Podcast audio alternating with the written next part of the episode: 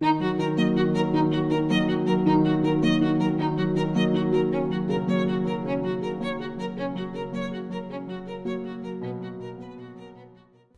z tej strony Mateusz z Fundacji Edukacji Obywatelskiej, a to jest skrót sejmowy z 43.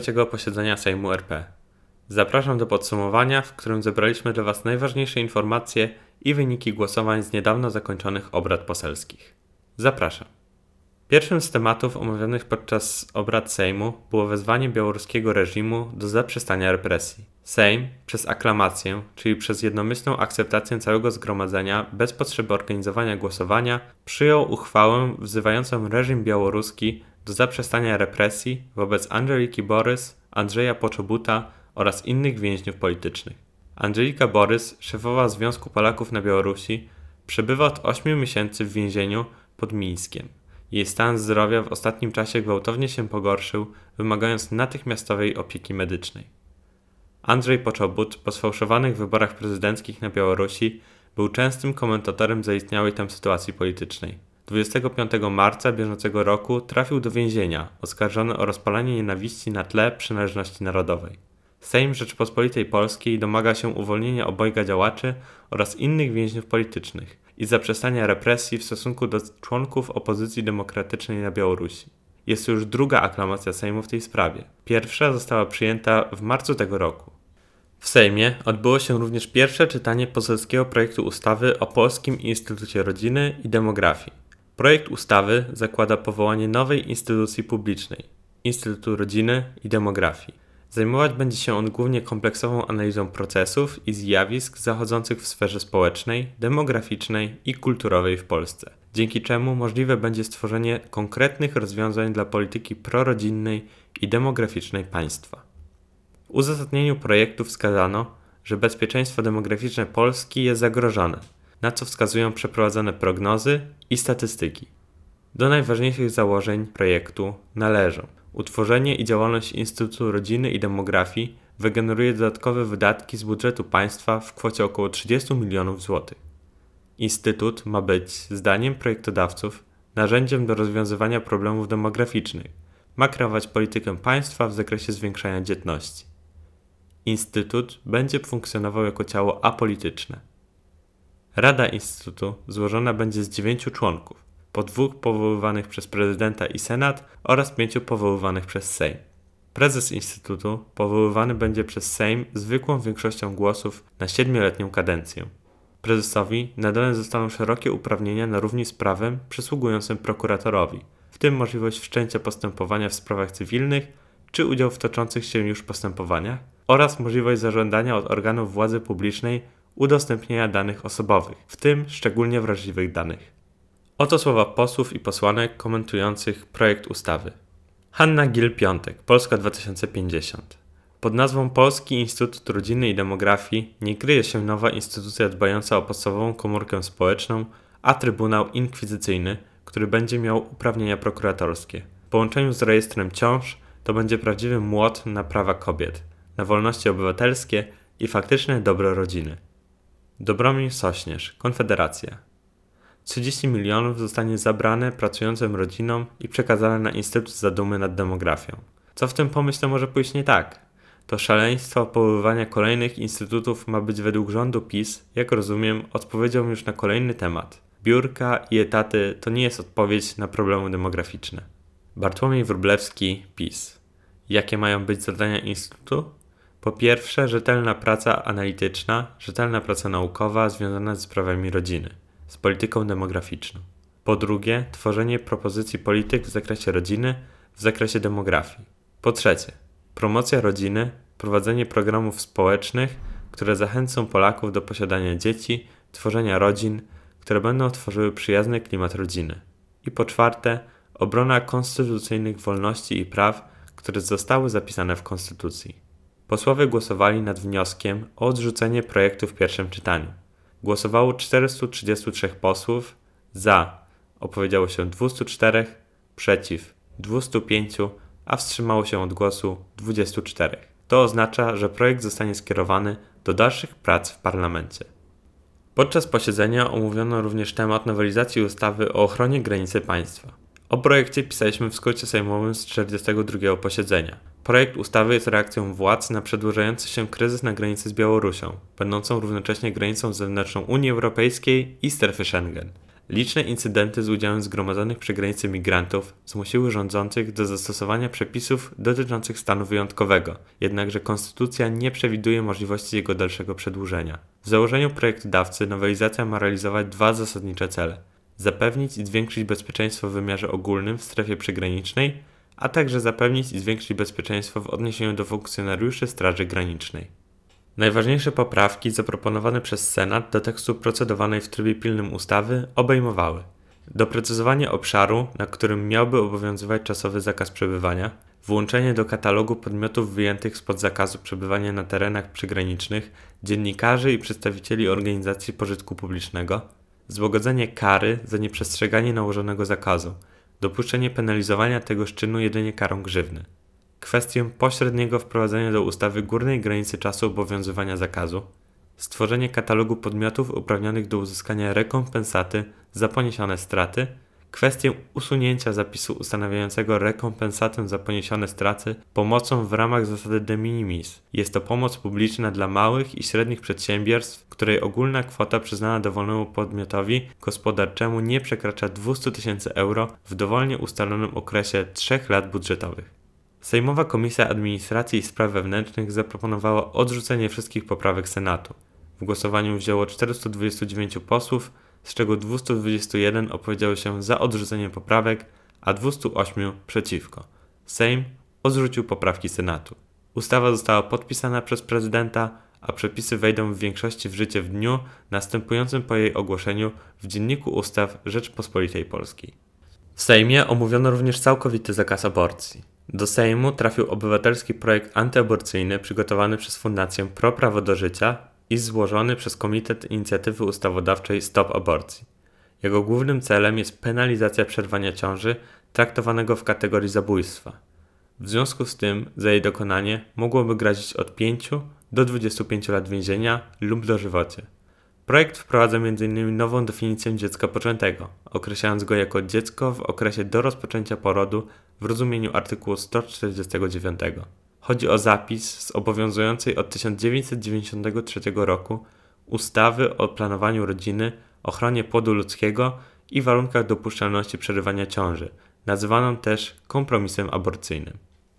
Ustawa ta zezwalała na dokonanie aborcji w trzech przypadkach: gdy ciąża stanowiła zagrożenie dla życia lub zdrowia kobiety, gdy powstała w wyniku czynu zabronionego, gwałt kazirodztwo i w razie dużego prawdopodobieństwa ciężkiego i nieodwracalnego upośledzenia płodu albo nieuleczalnej choroby zagrażającej jego życiu.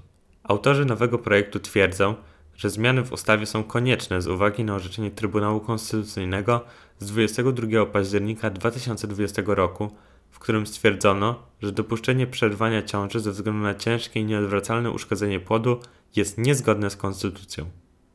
Barbara Nowacka, Koalicja Obywatelska. To hańba dla Wysokiej Izby, te słowa, których musieliśmy wysłuchać. To upokarzające dla Polek, które zawsze budowały naszą ojczyznę, które chciały być dumne ze swojego kraju, a ten kraj staje się dla nich krajem do wypłakania, a ten kraj staje się dla nich krajem, w którym muszą się bać. Teresa Glenc, PiS.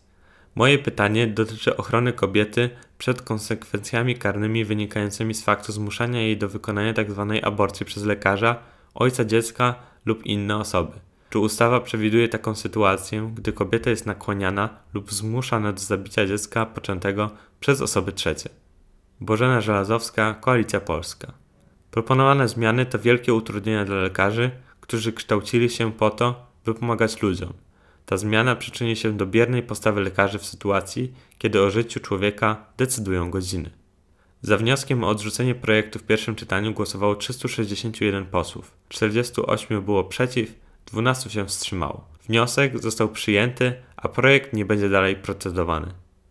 W Sejmie omówiono również sztandarowy projekt Kukiz 15, który ma za zadanie zwiększyć kontrolę obywateli w sprawowaniu wymiaru sprawiedliwości, a celem projektu wychodzącego z inicjatywy prezydenta jest utworzenie nowej instytucji w postaci sądów pokoju, które będą orzekać w najprostszych sprawach. Główne założenie projektu to utworzenie sądów pokoju powoływanych do orzekania w najdrobniejszych sprawach, np. sprawy o alimenty, znieważenie, kradzieże. powszechny wybór sędziów pokoju na sześcioletnią kadencję z zakazem ponownego wyboru. Sędzią pokoju będzie mógł zostać obywatel RP posiadający wykształcenie prawnicze, który ukończył 29 lat, ale nie ukończył 70 roku życia. Sąd pokoju ma działać przy sądzie rejonowym, a jeden sędzia pokoju będzie mógł przypadać na maksymalnie 10 tysięcy obywateli. Kandydat ubiegający się o wybór na stanowisko sędziego pokoju będzie się zgłaszał na listę zainteresowanych, która w pierwszej kolejności będzie trafiała do Krajowej Rady Sądownictwa. Kamila Gasiuk-Pichowicz, Koalicja Obywatelska.